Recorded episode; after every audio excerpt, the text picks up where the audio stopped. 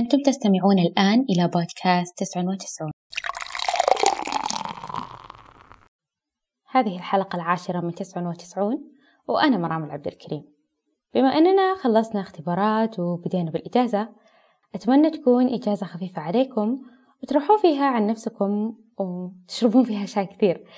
وأوصيكم هنا أنكم تشربون الكثير والكثير من الشاي. عموما حلقتنا اليوم بما أننا بإجازة حلقة خفيفة مع ضيفة لطيفة. أمتعتنا بالحديث عن حياتها الدراسية واسترجعنا معها العديد من الذكريات المميزة. ما في موضوع يحكم الحلقة قد ما أننا بنتعرف عن ضيفتنا نورة العتيق اللي بنظري وبنظر تسعة وتسعون إنها طالبة مناضلة. تضع لها هدف وتسعى له. وهذه الصفة نقدر نقول إنها في أغلب ضيوف تسعون وتسعون إذا مو كلهم.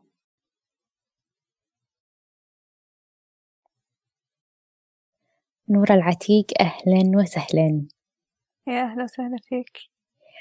آه نورة كنت تشتغلين كثير بالمتوسط تروحين مسابقات وتطورين نفسك كثير. آه أي فرصة تجيك تستغنينها؟ بالثانوي برضه اشتغلتي على نفسك و سعيتي لأهدافك ونقدر نقول إنك تبارك الرحمن حققتيها.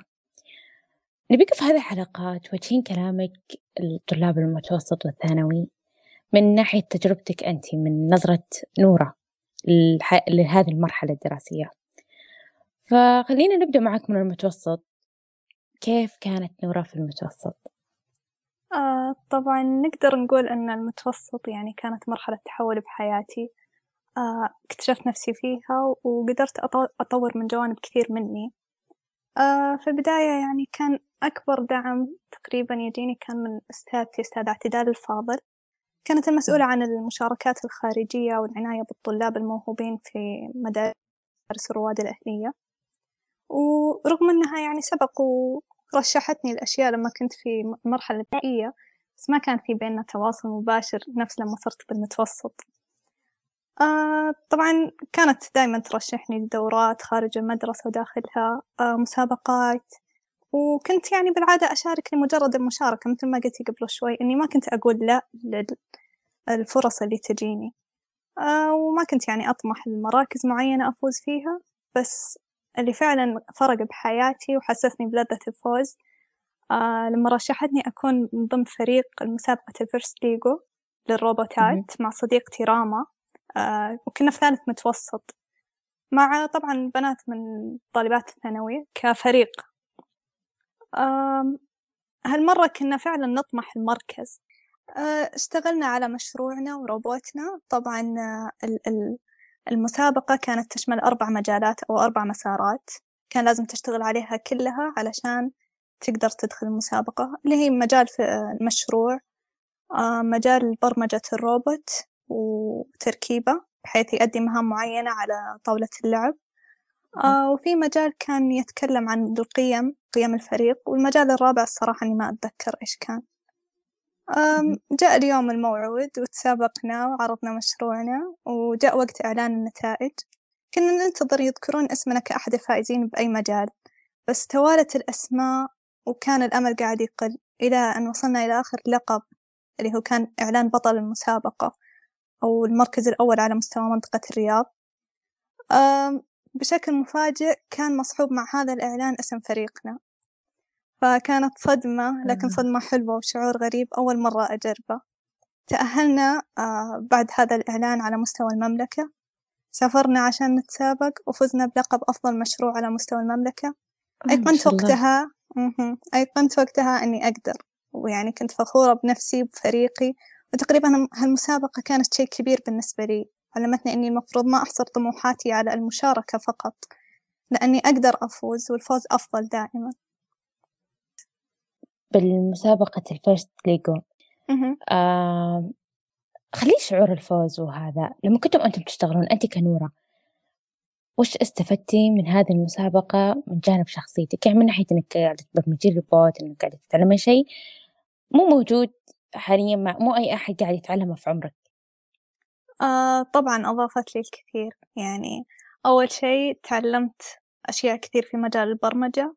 آه في مجال آه المشروع. كان أول مرة نسوي مشروع قوي على أرض الواقع. يعني مشروعنا كان يتكلم عن مثلا آه الأنابيب أو أنابيب توصيل الموية تحت تحت الأراضي. كيف ممكن نخليها آه مرنة أكثر استبدالها أسهل. يعني كان مشروع من إلى. كلمنا فيه متخصصين كثير في هذه المجالات فصلنا فيه كثير. آه ما كنت في يوم من الأيام يعني أتوقع أني ممكن أشتغل على مشروع آه بهذه الجدية وبهذه الفائدة يعني اللي ممكن لو طبق على أرض الواقع كان ممكن ترى يغير كثير. حتى أننا فكرنا نسجله براءة اختراع لكن مع الأسف آه، براءة الاختراع لا تسجل لجروب كامل أو مجموعة كاملة. يسجلونها باسم شخص واحد فصار في اختلاف شوي لأنه إحنا اشتغلنا ك فريق. فريق بالضبط. اشتغلنا كفريق فللأسف ما قدرنا نسجلها براءة اختراع. آه طيب آه في الثانوي ما كنتي في هذه المدرسة صح؟ آه لا ما كملت الدراسة دراسة الثانوي في مدارس الرواد. آه كملت دراستي في مدارس الرياضة الأهلية. آه أخذت منحة موهبة لمدارس آه مدارس الرياض. آه طبعا يعني بعد ما انتهينا من المسابقة استدعتني أستاذ اعتدال لمكتبها وكانت تشرح لي عن موهبة. كانت تبغاني أنضم ل آه آه، مؤسسة موهبة كطالبة موهبة. وإنه الدرجات العالية في اختبار مقياس موهبة ممكن تأهلك لفرص كثير. فرجعت البيت وأعطيت أهلي خبر وأخذت رأيهم بالموضوع. شافوا أنها ممكن يعني تكون تجربة جديدة وحلوة وممكن تضيف لي بحياتي. فرجعت من بكرة للأستاذ اعتدال وخبرته أني ما عندي مشكلة وسجلتني في اختبار مقياس موهبة. طبعا اتفقت مع بنت عمي تختبر معاي عشان حتى لو ما جبنا الدرجات تكون تجربة حلوة سويناها بحياتنا. لأن أصلا ما كان في بالنا إنه يعني نطمح لشيء كمثل برامج الشراكة أو شيء زي كذا. وفعلا جاء يوم الاختبار ورحنا مع بعض واختبرنا ورجعنا. صرنا ننتظر الدرجات تطلع. لما طلعت الدرجة كنت مصدومة من نفسي. يعني كانت الدرجة فوق توقعاتي وتوقعات أهلي وتوقعت كل أحد بملايين المرات. الحمد لله جبت درجة عالية جدا. أهلتني لشيء اسمه برامج الشراكة. آه هي عبارة عن منحة دراسية من خمس أو ست مدارس تقريبا من أفضل المدارس على مستوى الرياض. آه وبعد الاستخارة وبعد ما شاورت أهلي اخترت إني أكمل دراستي الثانوية في مدارس الرياضة الأهلية. بمنحة كاملة آه يطلق عليها منحة ولي العهد. لأن منحة موهبة تتكفل بجزء بس من مبلغ الدراسة. والأمير محمد بن سلمان تكفل بالجزء الباقي للي يختار مدارس الرياض آه، يكمل فيها. لأنه درس في مدارس الرياض وتخرج منها. والحمد لله كملت دراستي في مدارس الرياض وتخرجت منها السنة اللي فاتت. في موهبة؟ لما أنت رحتي موهبة؟ ودخلتي في فصل موهوبين في مدارس آه، الرياضة الأهلية. بالضبط. نورا راحت تايوان هذا اللي أنا أعرفه. شلون رحتي تايوان؟ طبعا رحلتي لتايوان كانت الحضور برنامج تدريبي بعنوان الذكاء الاصطناعي وإنترنت الأشياء. أه تم ترشيحي من وزارة التعليم وتحديدا من الإدارة العامة للموهوبين مع 11 طالبة و12 طالب من أنحاء المملكة. وعلى فكرة كنت الوحيدة من بينهم اللي جاية من مدينة الرياض فممكن نعتبره تميز على مستوى الرياض. أه بالنسبة لآلية الترشيح ما أفصحوا عنها لكني أعتقد أنه درجات مقياس موهبة كان لها دخل بشكل كبير. آه طبعا رحلتي لتايوان كانت آه لما كنت في أولى ثانوي. الموضوع يعني كان في البداية كبير كيف إني بسافر تايوان أسبوعين مع أبوي وأترك دراستي. بس طبعا كان مردودها الإيجابي أكبر من مردودها السلبي اللي يكاد ينعدم ولا يذكر. استخرنا وردينا لهم بالموافقة وتوكلنا على الله إلى تايبي عاصمة هذه بأي سنة؟ آه لما كنت في أولى ثانوي كانت 2019 أظن. امم 2019 كانت في سنة 2019 آه، كان معنا فريق إداري من الإدارة العامة للموهوبين وكل شيء كان مرتب له ومتعوب عليه. في أول كم يوم من البرنامج كان البرنامج سياحي بحت يعني. كنا نروح كلنا طلاب وأولياء أمور وفريق إداري ومعنا مرشد سياحي تايواني كان يتكلم اللغة العربية الفصحى بطلاقة صراحة. يعني كان منظر عجيب مو راكب. وداكم يعني أماكن تقنية أو أماكن سياحية؟ آه بالبداية كانت الأماكن سياحية. يعني زرنا واحد من الأبراج اللي كان في يوم من الأيام أطول برج في العالم.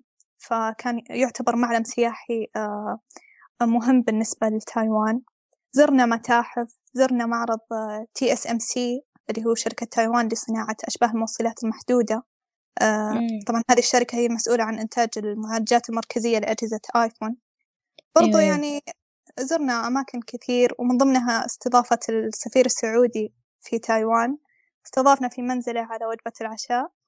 ودعمنا يعني بكلمات تشجيعية والمكان يعني كان المنزل أو البيت كان صراحة مرة رهيب لأن حتى مواعينهم كان منقوش عليها وزارة الخارجية. فتحسينك في مكان فخم مرة. تحسين بالانتماء؟ طبعا يعني في مكان مثل تايوان ما كان في ولا أي ذرة انتماء لما تدخلين بيت السفير. كان الوضع غير جدا كأنك في السعودية ما كأنك برا. عموما بدأنا البرنامج التدريبي في جامعة تايوان الوطنية على يد مجموعة من أفضل دكاترتها. ومن ضمن التدريب اللي كانوا يعطونا إياه كانوا كل فترة يأخذونا بجولة في الجامعة. آه يورونا مرافقها يخلونا نقابل أفضل طلبتها وهذول الطلبة يعرضون علينا اختراعاتهم آه ويعني مشاريعهم ويطلبون مننا نجربها كمحتوى إثرائي طبعا خارج آه البرنامج. تعلمنا كثير عن البرمجة تعلمنا عن طريقة عمل الأشياء إيش هو الذكاء الاصطناعي إيش المقصود بإنترنت الأشياء. آه البرنامج التدريبي كان طويل جدا ومحتواه إثرائي جدا يعني صعب إني أختصره في حلقة بودكاست واحدة. لكن الجدير بالذكر إنهم وفروا لنا أجهزة صغيرة كان اسمها Game Baby هو شيء مثل ال Game Boy والألعاب الإلكترونية الصغيرة اللي كنا نلعبها زمان. وطوال البرنامج التدريبي كنا نطبق عليه. يعني كل شيء نتعلمه كنا نطبقه. آه، من من البداية من توصيل أسلاك من آه، تركيب إلى البرمجة. برمجنا برامجنا عليه. أشياء مثلا كانت بخصوص الطقس آه، بحيث يعرض لي الطقس في المدينة اللي اخترتها بناء على قاعدة بيانات معينة. أو مثلا شاشة اللمس بحيث يستجيب الجهاز للمس بمنطقة معينة بطريقة معينة. أنتم تبرمجون من الجهاز نفسه ولا تبرمجون من الكمبيوتر؟ الجهاز نفسه؟ إحنا نبرمج من الكمبيوتر للجهاز إيه. نفسه. يعني إحنا كل شغلنا كان إيوه نبرمج الجهاز. هو جانا جهاز قطع مفككة. آه إحنا بدينا ركبناه. ركبنا وصلنا أسلاكه اللي داخل. لما انتهينا منه سكرناه. آه وصلناه بسلك على الكمبيوتر. كل طالب كان عنده الكمبيوتر الخاص فيه. فبدأنا نبرمج. كان أحد البرامج مثل ما قلت اللي هو الطقس. آه كنا نبرمج عليه ألعاب. بحيث في واحدة من الألعاب اللي برمجناها في نهاية البرنامج التدريبي سوولنا مسابقة وكانت أجهزتنا تلعب ضد بعض بدون تدخل مننا يعني فقط آه. بالاعتماد على برمجتنا واختياراتنا اللي اخترناها في الفترة الماضية. كانت لعبة خروج مغلوب أو بكلمة يعني أبسط زي الدوري. أن اللي يخسر كان يطلع. وفي النهاية كان في يعني جهاز فائز وكرموا الجهاز الفائز بيوم تسليم الشهادات بعد ما انتهينا من البرنامج التدريبي فكان البرنامج يعني صراحة مليء بالفعاليات الحلوة. صادقنا مجموعة طلاب منها كانوا المسؤولين عن مساعدتنا لو احتجنا شيء. آه يعني طلاب تايوانيين. وشفنا وشفنا أماكن عجيبة لأن مساحة الجامعة كانت كبيرة جدا وما قضينا منها كثير. آه أقدر أسمي رحلة تايوان يعني رحلة العمر لأن ما كنت بيوم أتخيل أن اللي صار كان ممكن يصير. و... على نهاية البرنامج كنا طالعين بفائدة كبيرة وبأصدقاء من أنحاء المملكة. ما زلت على تواصل معهم حتى أنهم صاروا من أفضل الأصدقاء بالنسبة لي. آه طيب اللغة كانت آه عربية أو إنجليزية؟ آه لا كانوا يتكلمون باللغة الإنجليزية طبعا بس اللهجة كانت عائق شوي. تعرفين كيف لما الصينيين شرق آسيويين يتكلمون باللغة الإنجليزية؟ إيه؟ آه كان في صعوبة بالفهم بس يعني كنا نساعد بعض. إحنا الطلبة آه، لو است... لو استصعب الفهم. آه طيب كيف كان روتينكم؟ يعني متى تصحون؟ متى تدرسون؟ آه كنا نصحى تقريبا من الساعة سبعة. نحرك يعني بالباص نركب حنا فقط طلبة وطالبات والكادر التعليمي اللي كان معانا. آه يأخذونا بالباص من الفندق إلى آه جامعة تايوان الوطنية. آه كنا يوميا نروح تقريبا من الساعة سبعة ونرجع الساعة ستة بالمغرب. فكنا نقضي وقت كثير هناك.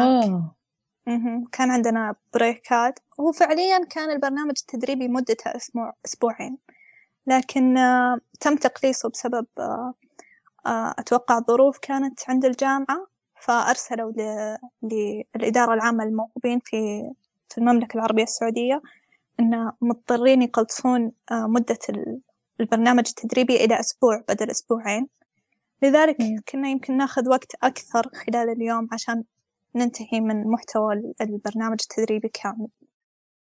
طيب لما رجعتي من تايوان وقلتي إنه أغلب ال... أو المادة اللي أنت تاخذينها بالإنجليزي فمعناته إنه لغتك الإنجليزية تعتبر جيدة. فكيف لغتك العربية؟ آه طبعا الحمد لله آه لغتي العربية جيدة. حتى أني يعني أهوى اللغة العربية. مثل ما قلت يعني في المتوسط آه شاركت في أولمبياد اللغة العربية. في الثانوي آه شاركت في مسابقة للشعر. آه صحيح إني ما تأهلت. تقريبا كانت في بدايتي في كتابة الشعر ما كان عندي قصائد كثير.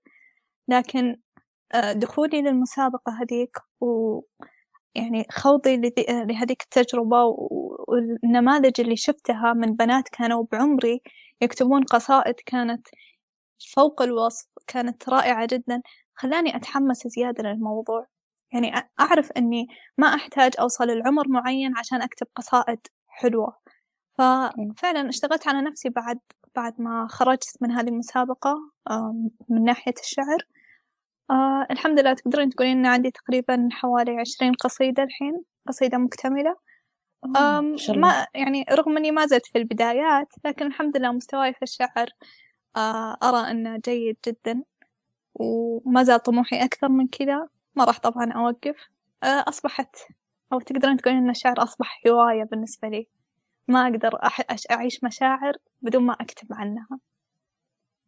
آه، أنا أخبطك على هذا الشيء لأنه لما يكون عندك مكان تطلعين فيه مشاعرك وتطلعين فيه بصورة جيدة إنها تظهر للناس يعني تبارك الرحمن. شعرك عربي أو فصيح أو نبطي؟ آه لا طبعا فصيح. آه يعني عشان أكون صريحة معك أنا ما أدعم الشعر النبطي. يعني نادرا تحصلين قصائد نبطية. آه تقدر تلامسك مثل ما تلامسك آه القصائد الفصيحة. الفصيحة يعني فيها معانيها دايما تكون عميقة آه مفرداتها تكون صعبة. آه أشياء يعني تحسين مجرد سماعك لها هذه متعة بحد ذاتها. جدا. يعني أنا الشعر النبطي ما صرت أسمعه إلا من خالد الفيصل. يعني طبعا فقط خالد الفيصل. الوحيد اللي أشعارها النبطية يعني تجذبني وأقدر أقرأها. أما باقي الأشعار النبطية يعني أقدر أقول إنه نهائيا نادرا. ولا تأثر فيني ما أقدر أحس بشعور الشاعر. ما آه، أدري. طبعا. نفس نفس الشعور تقريبا. لكن ما أقدر أعمم يعني في ما شاء الله قصائد صح. حلوة وفي شعراء آه، رائعين. أبدعوا في مجال الشعر النبطي. لكني أفضل صراحة الشعر الفصيح على الشعر النبطي. آه طيب في مكان تنشرين فيها أشعارك؟ آه نطلع عليها؟ آه مع الأسف إني ما نشرتها لأحد. يعني فقط أنشرها لصديقاتي آه أهلي. يعني في حساباتي الشخصية عارفة؟ حسابي الإنستغرام الشخصي. آه بس. فما ما أشارك مع الأسف. في الصيف في أح... في آخر صيف الثانوي دخلتي برضو أرامكو كنا نأخذ عن ال... إنترنت الأشياء والذكاء الاصطناعي وهذه الأشياء. كيف دخلت برنامج أرامكو؟ آه طبعا برنامج أرامكو التحقت فيه آه بس مثل ما قلتي في الصيف هذا آه كان برنامج التدريب الصيفي العشرين واحد وعشرين. آه مدته كانت ثلاثة أسابيع أتوقع. رشحت نفسي له وتم قبولي فيه بناء على المعدل التراكمي آه للمرحلة الثانوية ودرجة اختبار القدرات. برنامج هذه السنة كان أونلاين عن بعد آه بسبب ظروف كورونا. وأعتقد كان في كل سنة يقام في الشرقية. كان البرنامج الإثرائي يتكلم عن مهارات الجامعية واستراتيجيات تعلم معينة. مثل ما قلتي كان يتكلم عن آه، كان يتكلم عن الذكاء الاصطناعي وأشياء كثير يعني ممكن تفيد الواحد خصوصا قبل التحاقه بالجامعة. آه وبرضو شهادتها يعني كانت بتكون حلوة في سيرتك الذاتية. دخلت أنت في تايوان درستي عن نفس الشيء الذكاء الاصطناعي ودخلتي مع أرامكو دخلتي عن الذكاء الاصطناعي وشاركتي في مسابقة برمجة. آه، توقعتك بتدخلين شيء يخص هذا الشيء؟ أو تخصص يخص هذا المجال؟ لكنك دخلتي مسار صحي. كيف يعني اخترتي تخصصك وليش اخترتي؟ آه شوفي الصراحة أن كلامك هذا أنت مو أول شخص يقوله. يعني م. بناء على تاريخي مع البرمجة ومع هذه الأشياء كان متوقع مني إني أدخل مسار آه يدعم التكنولوجيا والبرمجة. لكن موضوع المسار الصحي هذا موضوع يعني منذ الطفولة عارفة؟ يعني من يوم إني كنت صغيرة كنت أي سؤال أي أحد يسألني نورة إيش تبغين تصيرين لما تكبرين؟ آه دايما أقول دكتورة. آه على أن المسار الصحي ما ينحصر على آه مهنة الطب فقط لكن آه في شغف آه تعلم جسم الإنسان. في يعني أحس أن إعجاز يعني سبحان الله في خلق الإنسان. هذا هذه الأشياء كلها ما أقدر أخوض فيها لما أنا أدرس تكنولوجيا لما أدرس حاسب لما أدرس آه أي أي تخصص يعني في هذا المجال. لأني أحب أحب الدراسة وأحب إني أدرس شيء أنا مهتمة فيه. فكان المسار الصحي طبعا خياري الأول. ورغبتي الأولى اللي حطيتها في لما بدأنا ترتيب رغبات. والحمد لله انقبلت فيها. آه، تبارك الرحمن أنت قبلتي فيها من أول فرصة. فمعناته درجاتك تبارك الرحمن عالية. بأتيكي على هذا الموضوع إنه كيف كنتي تدرسين أو كيف كنتي تتعاملين مع الدراسة؟ بس بيعقب على سالفة المسار الصحي والتقني بحكم إنه كثير أو كل اللي قابلناهم في البودكاست تخصصهم أو مسارهم صحي. فاللي أبغى أقوله إنه الذكاء إنه يكون عندك مجالين وإنه يكون عندك تجربة. يعني نورين الشريف في الحلقة في أحد حلقات البودكاست. كانت تدرس رياضيات وطول وقتها مع رياضيات بالأخير اختارت مسار صحي لأنه هذا الشيء اللي تشوف نفسها فيه. أو نفس الشيء يحدث معك إنه مو مشكلة مسار وبعدين تبغى تغيره. بالأخير أنت تاخذ تجربة من هنا وتاخذ تجربة من هنا. المهم أنت وين ترتاح فيه. آه بالنسبة لدرجاتك آه كيف نورا كانت تدرس؟ تقدرين تقولين إني كنت طالبة دافورة؟ أو بمعنى أصح كنت متخذة الدراسة أسلوب حياة. أم أحب أتعلم أشياء جديدة أحب أدرس أحب. ما كنت يعني أنظر للدراسة بشكل سلبي أبدا. ولو أن مثلا أحيانا كنا نعيش ضغط نعيش ضيق في الوقت مع الاختبارات النهائية مشاريع. أيا كان يعني كل أحد جرب يدرس. لكن كنت أستمتع بهذه الأشياء. كنت أحب لما أتعلم أشياء جديدة. كنت أحب لما كنت أتحدى نفسي أني مثلا أجيب درجات عالية.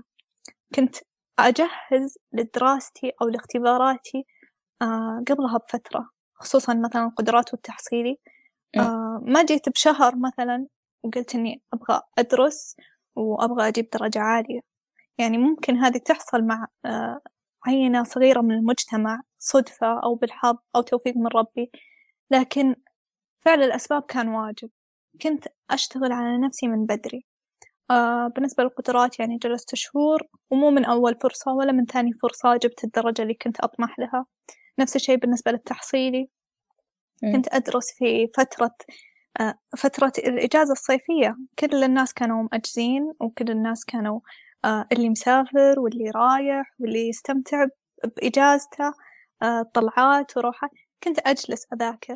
طبعا بديت من من تقريبا من قبل ما ننتهي من الدراسة أو من قبل ما أنتهي من السنة الدراسية حق الثالث ثانوي آه بديت أجهز للتحصيلي ختمت كتب التحصيلي آه أكثر من مرة.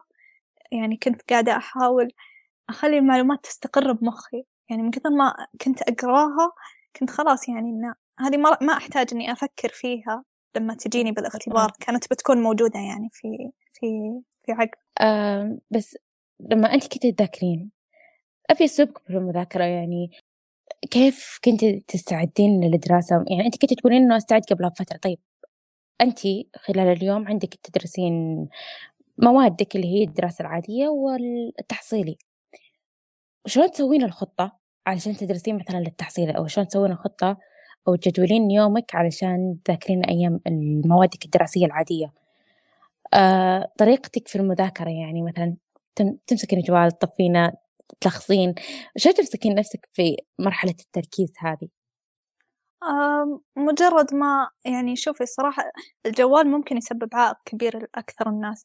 لكن مجرد ما أندمج خلاص في الدراسة أبدأ أترك الجوال. آه يعني أكيد أن الجوال ما كنت أتركه لساعات متواصلة. كنت كل ما أخلص مثلا جزئية معينة من الدراسة كنت أرجع لجوالي آه، أقضي فيه شوية وقت أسولف مع صاحباتي. لكن أغلب الأحيان كنت أترك جوالي أصلا خارج الغرفة. آه، ما أتركه عندي إلا إذا كنت أحتاجه في المذاكرة عشان أحاول إنه ما يلهيني عن المذاكرة. وبالنسبة للتوفيق بين دراسة التحصيلي ودراسة المواد الدراسية آه، كنا نحضر الحصص المواد الدراسية عادي. ولما أنتهي منها كنت آخذ لي قيلولة آه، العصر. لما أصحى خلاص أبدأ آه، أكرس وقتي كله للتحصيلي. يعني كنت أذاكر من ساعتين إلى ثلاث ساعات يوميا. مو مو بشكل كامل كنت أقضي هذه الثلاث ساعات لكني كنت أحاول أنقل كتابي معي في كل مكان كنت أجلس فيه علشان ما أنسى بس إنه وراي مذاكرة وإني المفروض أذاكر. طب ما يجيك كلام إنه حياتك كلها دراسة ما تملين اطلعي نفسي أكيد كذا كلام أنا متأكدة طبعا يعني حتى يجيني من أخواني مو من ناس بعيدين. أنتي بس تاكلين الكتاب أنتي مرة دافورة. آه، ليش حياتك كلها مذاكرة؟ قومي اجلسي معانا. آه، طبعا أنا ما كنت آه، آه، أضغط نفسي أو أحبس نفسي في الغرفة لساعات طويلة إلا بأوقات الأوقات اللي يكون الاختبار مصيري. يعني مثل الاختبار التحصيلي. كانت عندنا فقط فرصتين والفرصتين هذه بينها أسبوع بس. ما يمديك حتى تدرسين فيه شي زيادة. وبناء على درجة التحصيلي اللي كنت باخذها كان راح يتم تحديد مصيري إذا أنا راح أقبل في المسار الصحي أو لا. فكانت تقريبا تحصيلي شيء مصيري فكنت أحبس نفسي بالغرفة كثير وكان يجيني هذا الكلام إنه ليش أنتي بس جالسة تذاكرين؟ آه ما طفشتي من المذاكرة ما تعبتي؟ لا فعلا أتعب لكن هالتعب هذا إن شاء الله راح تعقبه فرحة كبيرة. أنا قاعدة أتعب الحين لأن وراي مستقبل. أنا لاحقة على إن شاء الله المتعة ولاحقة على كل شيء وما أقول إني حارمة نفسي المتعة. الحمد لله كل شيء أبغى أسويه كنت قاعدة أسويه لكن أهم شيء كان تنظيم الوقت. مجرد ما تعرف تنظم وقتك راح تقدر تلحق على كل شيء من دراسة من متعة من طلعات. ممكن في فترات معينة تضطر تحرم نفسك هذه الأشياء لكن أكيد أنك ما راح تحرم نفسك من هذه الأشياء إلا أنك بتجهز نفسك بشيء أعظم. بالضبط. آه إنه تكرسين نفسك علشان الدراسة؟ في أغلب الناس ياخذون إنه الدراسة شيء سيء. من وجهة نظري إنه الدراسة شيء ممتع. يعني أنا لما أدرس أستمتع. يعني على حسب المادة أكيد لكن في الغالب أستمتع. فأتوقع إنه أنت عندك نفس الشيء إنه لما أنت تدرسين تستمتعين وأنت قاعدة تذاكرين. لما تحلين مسألة تطلع صح هذا بحد ذاته يسبب لي سعادة. آه فمو كل الناس يعني تعتبر الدراسة شيء سيء. طبعا مثل ما ذكرت قبل شوي إني أنا أصلا أستمتع بالدراسة خصوصا في المواد العلمية. دائما كانت تضيف لي أشياء. مجرد ما أتعلم شيء جديد أشوفه واقع قدامي آه، خصوصا مثلا بالفيزياء. الفيزياء يعني فيها نظريات كثير فيها قوانين كثير يعني بعد ما أتعلمها وأبدأ ألاحظها في الحياة أستمتع في هذا الموضوع. أستمتع لما مخي يبدأ يفكر إنه ترى هذا الشيء قاعد يصير كذا لأن قاعد يعني قبله في شيء كذا وكذا وكذا وكذا. فحلوة نظرة الحياة لما تشوفينها من منظور علمي من منظور تفصيلي ممكن تقولين. يعني ما تشوفين مثلا الشيء على أنه النور على أنه نور أو م. مثلا الظلام على أنه ظلام أو الألوان مثلا. يعني كلها هذه وراها تفسيرات دقيقة يعني ما تخطر في البال. التفسيرات هذه ممتعة. أحب أني أتعلم عنها أحب أني أسمع. آه مثل جسم الإنسان المخلوقات الحية بشكل عام. تفاعلات كيميائية. تقريبا المواد العلمية كلها كانت تحقق لي هذه النقطة. اللي هي المتعة في التعلم. أتفق خصوصا لما المعلمة تربط لي مع الواقع. أستمتع كثير وكذا أقعد أتأين. مثلا لما نجي ناخذ إنه المواد الحمضية تذوب بالسكريات وبالتالي لما نجي نسوي الشيرة الناس تسوي شيرة عادي ويحطوا معها ليمون. لكن في الكيمياء لا يعني نحط ليمون لأنه يعني طريقة اللي هو تركيبة الحمض تساعد على تفكيك اللي هو السكرات. السكر. أي هذا بحد ذاته يخليني أستمتع بشكل عظيم. حتى في حياتي طلعت حياتي أحسن لما أنا أقعد أتفرج وأطبق العلم عليها. فعلا. آه طيب حابة نختم الحلقة بشي تقولينه نصيحة توجهينها أم طبعا أولا وأخيرا هذا اللي اللي وصلت له كله آه، بفضل ربي. مو بتعبي ولا باجتهادي. أم وفي المقام الثاني أهلي. أهلي كانوا داعميني في كل خطوة اتخذتها بمسيرتي الدراسية. أه تعبوا معي لين طلعوني نورة اللي أنا عليها الحين. أم دعم صديقاتي برضو كان له دور كبير في حياتي. لكن بالنسبة لي أنا نقدر نقول أن كنصيحة أوجهها أو كأسلوب اتخذته وصلني لهذا الشيء إني ما كنت أقول لا. ما كنت أقول لا لأي فرصة. ممكن تجيني مهما كانت صغيرة. وأكيد أن التجارب اللي ذكرتها قبل شوي كلها سبقتها مئات التجارب اللي ما تذكر. الحرص برضو الحرص على التحصيل الدراسي العالي. فمثلا أنا اتخذت دراسة أسلوب حياة أدرس لأني كنت أنبسط بهذا الشيء. ما أدرس عشان مثلا أنتهي من اختبار أو عشان أجيب درجة عالية وبس. الحمد لله شفت ثمرتها في معدل التراكمي في درجاتي في القدرات في التحصيلي. وأهم نقطة حابة أقولها آه، هي تنظيم الوقت. تنظيم الوقت والمهام. لازم تعرف إذا أنت ما نظمت وقتك وكتبت لائحة بالأشياء اللي بتسويها بوقت معين مستحيل تنجز. أو مستحيل تقارن إنتاجيتك بإنتاجية شخص منظم وقته. فمثلا رغم إني عندي هوايات كثير أكتب الشعر أسوي ال SFX makeup أو المكياج سينمائي وغيرها كثير من الهوايات كنت قادرة يعني أعطي كل منها حقها ومعطية دراستي حقها. تنظيم الوقت بيعلمك كيف تبذل جهد أقل بنتائج أكبر.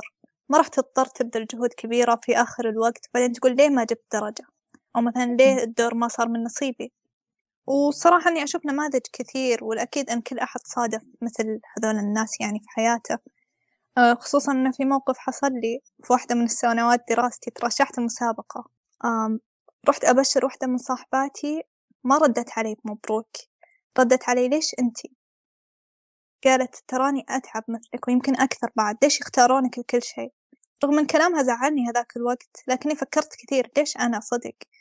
بعد توفيق وتسخير من ربي طبعا أنا كنت منظمة وقتي. كنت أعرف وين أبذل جهدي.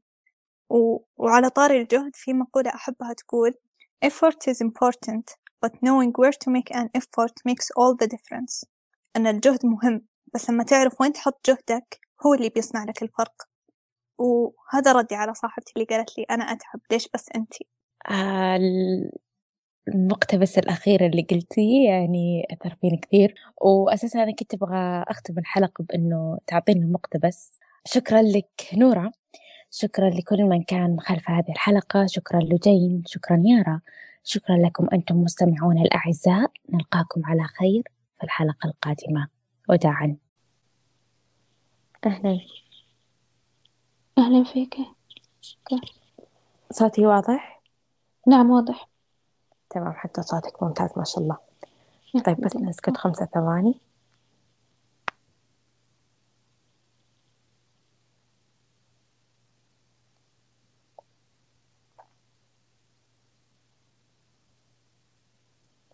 هذه هي الحلقة الثانية عشر من تسعة وتسعون وأنا مرام العبد الكريم. في حلقاتنا السابقة غالب ضيوفنا كانوا بتخصصات علمية. صراحة أشوف إنه التخصصات الأدبية تعاني من مشكلة إنه أغلب الناس تنظر لها بإنه ما لها مستقبل ولا عندهم أنشطة أو فعاليات إلى آخره. لذا ضيفتنا في هذه الحلقة نعم.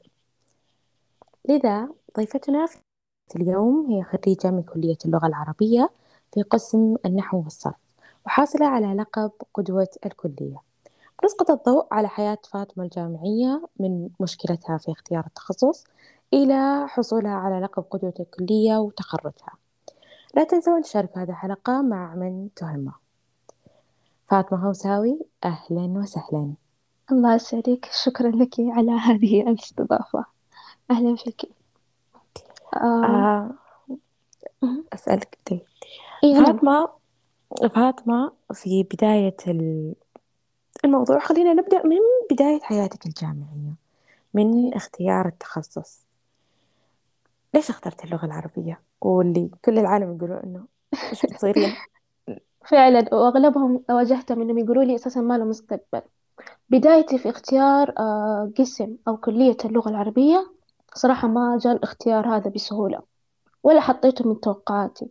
ولكن اللي صار إني أنا أول ما تخرجت من الثانوي تخرجت وأنا قسم علمي. فقلت أك... أيوة أنا تخرجت أنا قسم علمي فقلت أكيد حدخل الجامعة أنا قسم علمي لأن أنا تخرجت علمي.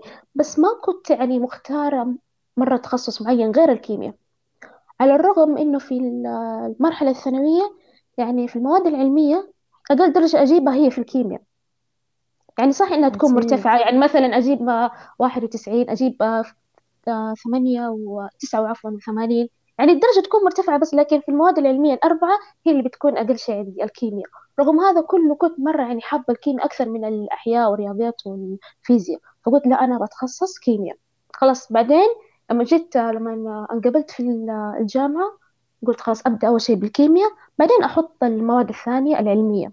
وبعدين حطيت المواد اللغة العربية. يعني أنا حطيت آه، وقت القبول في الجامعة كل المواد إلا إذا دخلت فيها ما أزعل.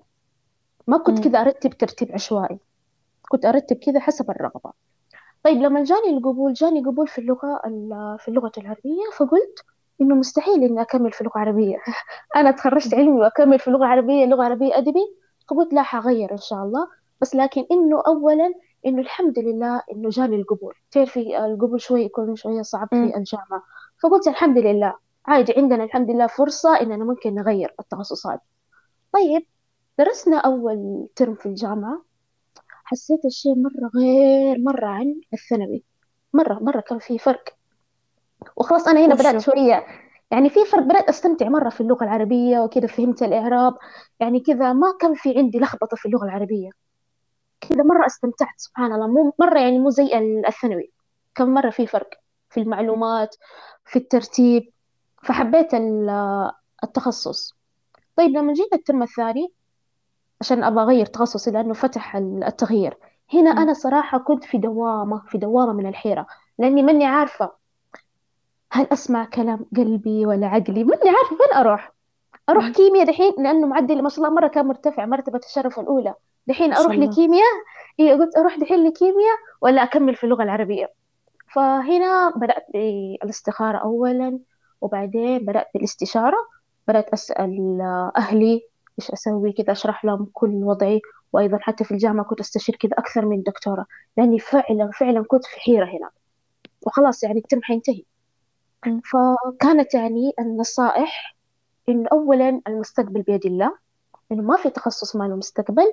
والنقطة الثانية آه إنه أتجه نحو الشيء اللي أنا أحس به يا رب أيوة. دقيقة الله يسعدك توترت مرة. هل أنا سريعة في النص؟ مرة حاسة نفسي. لا سريعة. عادي ارتاحي ارتاحي. عادي وكملي طيب. السوالف يعني. أنا بالعكس ترى استمتعت يعني بس عادي أعطيني تفاصيل يعني مثلا.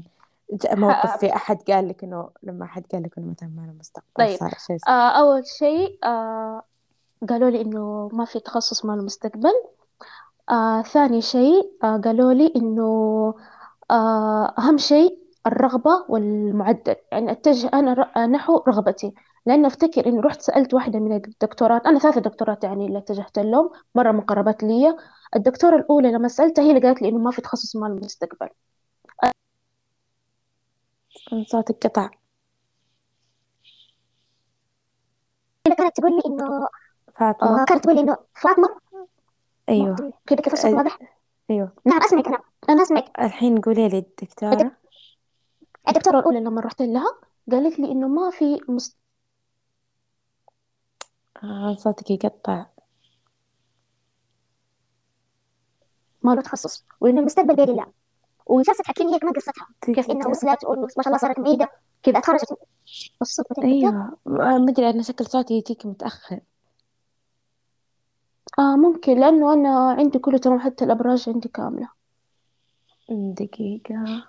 بس ثواني أشوف. خاف يكون المشكلة طيب. من عندي. مم. بس بشبك على الثاني